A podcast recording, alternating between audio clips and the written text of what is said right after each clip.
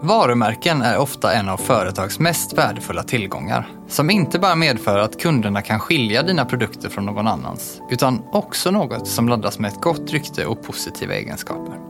Men vad händer egentligen om vi inte registrerar de varumärken vi använder oss av? Får vi inget skydd alls då? Eller kan vi genom användning av varumärket få visst skydd? Det ska vi prata om idag.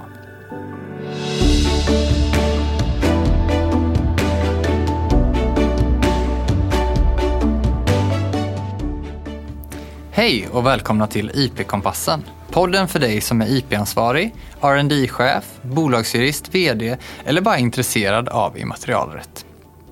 I den här podden vill vi bjuda på nya infallsvinklar, våra egna erfarenheter och dela med oss av vår kunskap inom immaterialrättsområdet. Jag heter Alexander Lindeberg och är advokat och arbetar som expert inom immaterialrätt här på advokatfirman Binge. Och med mig här idag har jag min kollega Mikael Montner som är biträdande jurist i IP-gruppen med särskild kunskap om varumärkestvister. Och Mikael har också tidigare suttit ting på Patent och marknadsdomstolen.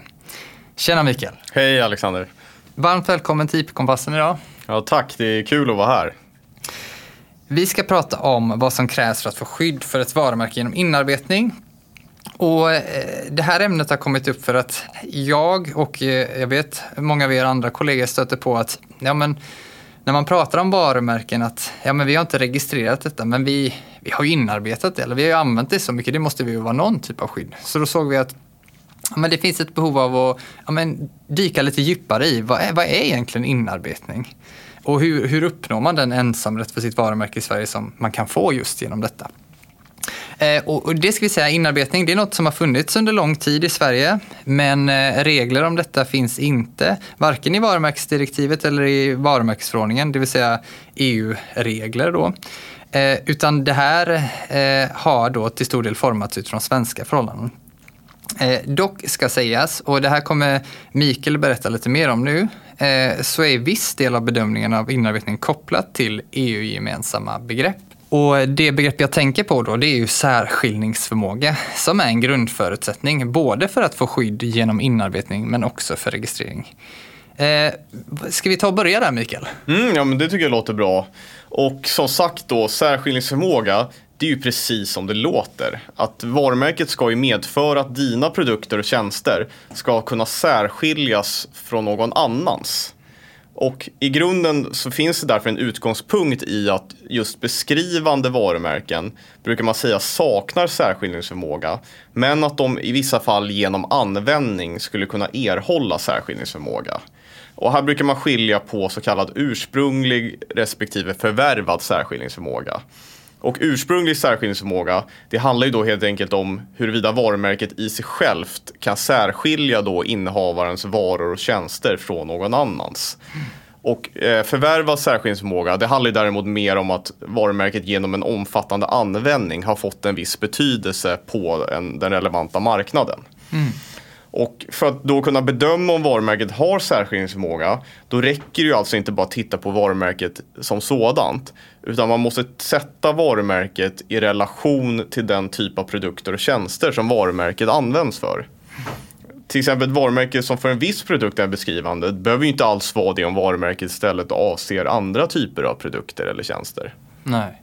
Men du, eh, för att liksom konkretisera lite mer, skulle vi kunna ta ett exempel nu på ett varumärke som har särskiljningsförmåga och ett som inte har det? Ja, men ett bra exempel tycker jag är varumärket Apple. Eh, där jag tycker man kan säga att det har god eller en till och med hög grad av särskiljningsförmåga när det gäller just elektronikprodukter som telefoner, datorer med mera. Eh, men om du däremot skulle vilja sälja äpplen mm. och använda varumärket Apple. Ja, men då har du ju inte längre någon direkt särskiljningsförmåga. Nej. Eftersom det blir ju beskrivande för den typ av varor som du ska sälja. Just det. Eh, och skulle vi titta här mer lokalt eh, skulle vi kunna ta exemplet med eh, Balder för till exempel fastigheter. Balder det är ju ett ord från eh, fornnordiska mytologin. Mm. Men när det kommer till fastigheter så får det ju ingen liksom, beskrivande innebörd. Nej. Så där tycker jag man kan säga att Balder är, har en god särskiljningsförmåga i förhållande till fastigheter. Just det. Precis, men skulle vi sälja några fornnordiska mytologiprodukter eller något liknande, då kanske det inte på samma sätt hade varit, haft den här särskiljningsförmågan, utan då blir det beskrivande. Exakt, på samma precis sätt. så. precis så. Bra. Som sagt, särskiljningsförmåga det är ju ett grundkrav och det har vi tittat lite på nu. Men vad är det mer som krävs att vi ska kunna få ett inarbetat skydd? Ja, utöver det så ska ju varumärket också vara känt i Sverige inom en betydande del av omsättningskretsen. Och det innebär ju för det första att det ska vara känt antingen i hela landet eller i alla fall i en del av landet. Skulle det till exempel vara känt enbart i Göteborg, då kan man, kan man få inarbetning som ett lokalt skydd som innebär då att innehavaren som har den här inarbetade rätten kan förbjuda någon annan att använda ett förväxlingsbart varumärke just i Göteborgsområdet. Däremot kan det ju vara så att ett enbart lokalt skydd i Göteborg inte innebär ett registreringshinder. För då kan ju krävas att varumärket är känt i hela Sverige i en betydande del av omsättningskretsen. För att man ska kunna hindra då registrering i Sverige av någon annans varumärke. Ehm, Ett varumärke lokalt inarbetat i Göteborg, det skulle kanske kunna vara tillräckligt här. Eh, Men troligen inte om det inarbetas bara i en lokalt i en mindre stad såsom Alingsås. Eh, Och jag tycker också att man kan nämna här att för att ett varumärke ska vara känt så krävs det egentligen inte att det används på produkter eller tjänster i Sverige. Utan det kan faktiskt vara så att varumärket kan få ett inarbetat skydd för att det är så pass känt från användning i andra länder. Eller att ett företag har gjort så mycket reklam att det faktiskt har blivit känt här i Sverige. Just det, så att det här att man säger att man har använt någonting, ja, så är det väl kanske typiskt sett. Men det viktiga är att det är känt helt enkelt. Ja. Eh, Men du, eh, och då det här, ja men vi säger att det ska vara känt. Vad innebär det då? Eh, Om vi kopplar an till det här Göteborgsexemplet då, alltså vi tänker någonting lokalt. Räcker det då att eh, göteborgarna känner till det här varumärket eller vad är det som krävs? Nej, det räcker ju inte bara att de känner till att varumärket i sig finns. Utan göteborgarna, man måste ju känna till att varumärket är kopplat till en viss typ av produkter. Det vill säga, om man hör varumärket eller ordet Estrella, då ska man i sitt huvud koppla ihop det med försäljning av chips, popcorn med mera. Eh, däremot behöver man ju inte veta vilket företag som står bakom utan det räcker ju då att man, att man kopplar ihop samman varumärket med den typ av produkter som saluförs under Estrella. Just det. Och, och då, så här, nu har vi ju tagit det här Göteborgsexemplet. Och är det då samtliga personer i Göteborg som behöver känna till detta? Eller vad är det egentligen som krävs där? Ja, alltså det skulle kunna vara samtliga göteborgare om det är den grupp av personer som varumärket riktar sig till, alltså den så kallade omsättningskretsen. Men det skulle samtidigt kunna vara en mer nischad grupp, exempelvis eh, professionella aktörer i en viss bransch. Om det nu rör sig om produkter som normalt inte säljs till konsumenter. Ehm, och inom den här gruppen, då gäller ju sen att en betydande del av dessa känner till just att varumärket avser en viss typ av produkter eller tjänster. Och vad en betydande del är, det får man avgöra från fall till fall. Och det blir då en helhetsbedömning där man väger in alla de relevanta omständigheterna i den enskilda situationen. Tittar man på den juridiska litteraturen så talar man ofta om att i vart fall en tredjedel av omsättningskretsen ska känna till varumärket eh, för att det ska kunna anses vara en betydande del. Så en tredjedel kan man liksom ha lite som ett riktmärke här. Mm. Och precis, och då är det ju som sagt en tredjedel kopplat till den här omsättningskretsen. Så det kan vara en tredjedel av alla göteborgare eller så är det en tredjedel av en viss typ av professionella aktörer inom en viss bransch. Det beror lite på vad man kommer fram till. Men den här tredjedelen då, kan den påverkas av eh, Eh, själva marknaden på något sätt? Eller är det liksom, ja det är den här tredjedelen som man alltid utgår ifrån? Ja, alltså det, det som utgör en betydande del, det kan ju påverkas av olika faktorer. Eh, och exempelvis då av hur många varumärken som finns på den aktuella marknaden. Ju fler varumärken på den relevanta marknaden, desto lägre krav kan man ju ställa på kännedomen. Men om det är färre antal varumärken, då blir det ju att man ställer högre krav på hur många som ska känna till det. Har du till exempel en marknad med hundratals varumärken, då kan det ju vara tillräckligt att kanske 20% eller till och med en ännu mindre del av omsättningskretsen känner till varumärket. Men har du däremot en marknad med fåtal stora aktörer eh, och deras varumärken, då kan det ju krävas kanske att vart fall hälften av omsättningskretsen känner till varumärket. Men det blir ju allt som sist en bedömning i den enskilda situationen. Och, och då, ja men precis, vi ska, det är det typiska juristsvaret, det ska göras en helhetsbedömning utifrån de här samtliga relevanta omständigheterna för att kunna visa att eh, inarbetning har skett. Men vad är det här då? Ja, alltså för att visa att varumärke är känt för en eller flera produkter eller tjänster inom då, som vi har talat om, en betydande del av omsättningskretsen. Då krävs att varumärkeshavaren ska kunna visa det. Man ska inte bara göra det sannolikt, man ska visa det.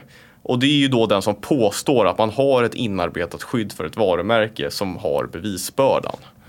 Just det, bevisbörda. Och då, eh, direkt när man pratar om bevisning och bevisbörda, då hamnar ju tankarna kring domstol. Att ja, det är en domstol som avgör detta. Är, är det så eller kan man på samma sätt som när man registrerar ett varumärke också gå till PRV och säga så här, men kolla här, nu har jag detta som jag har inarbetat och få det eh, beviljat eller godkänt? Nej, alltså det är ju inte möjligt att på samma sätt som när man ansöker om registrering av ett var- varumärke att skicka in en ansökan att hej, jag har ett inarbetat skydd för det här varumärket.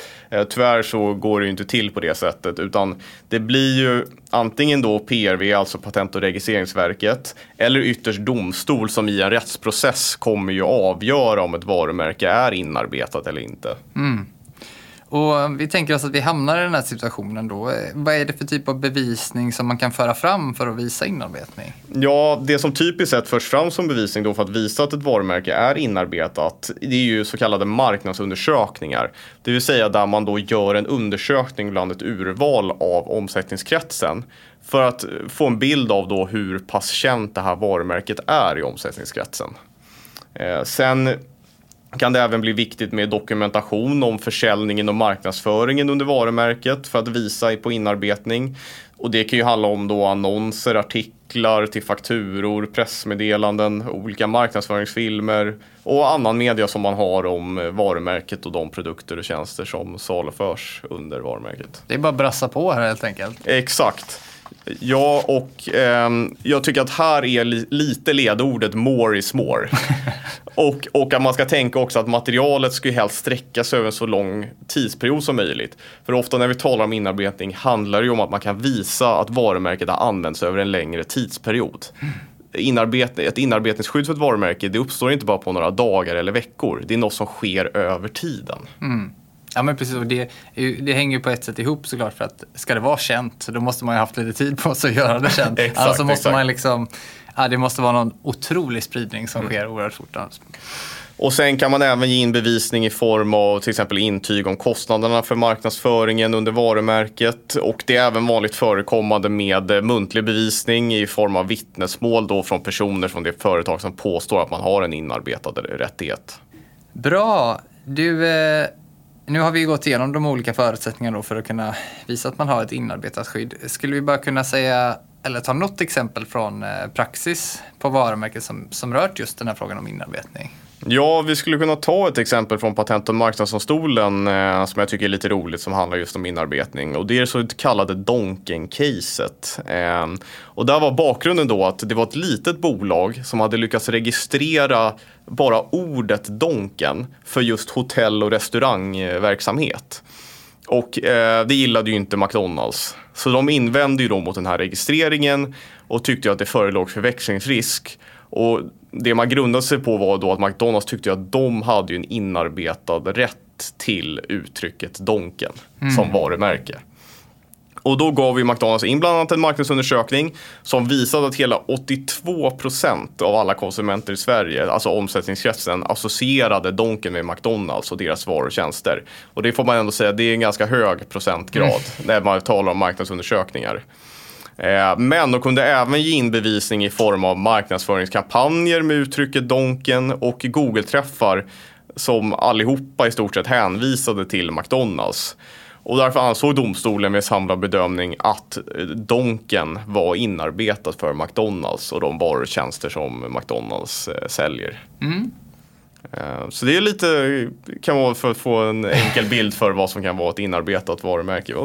Du? Eh, innan vi eh, rundar av här så tänkte jag bara se, är det något vi vill skicka med innan vi avslutar? Ja, men jag tycker att man ska faktiskt ta sig en tankeställare och fundera om de liksom varumärken som man använder för sina produkter och tjänster borde registreras just som varumärken. Eh, är det varumärken som man investerar mycket i och som ska hålla över tid så bör man nog inte förlita sig på att man har ett skydd genom inarbetning utan registrering av varumärket är the way to go. Ja. Det, det jag skulle rekommendera. Precis, och det kan man också se utifrån ett, en, ett perspektiv av att det blir en tvist sen och där man ska hävda inarbetning, att det är en ganska dyr historia att göra det. Och i jämförelse med att faktiskt registrera ett varumärke från början då så kan det vara en ganska värd kostnad att ta. Vid Verkligen, om man kan sova mer gott om natten också. Ja. ja men det var bra. Tack eh, Mikael eh, för detta och att du kom hit och pratade om inarbetning. Tack! Detta var allt från IP-kompassen för idag och tack för att ni lyssnade. Ta hand om er så hörs vi snart igen.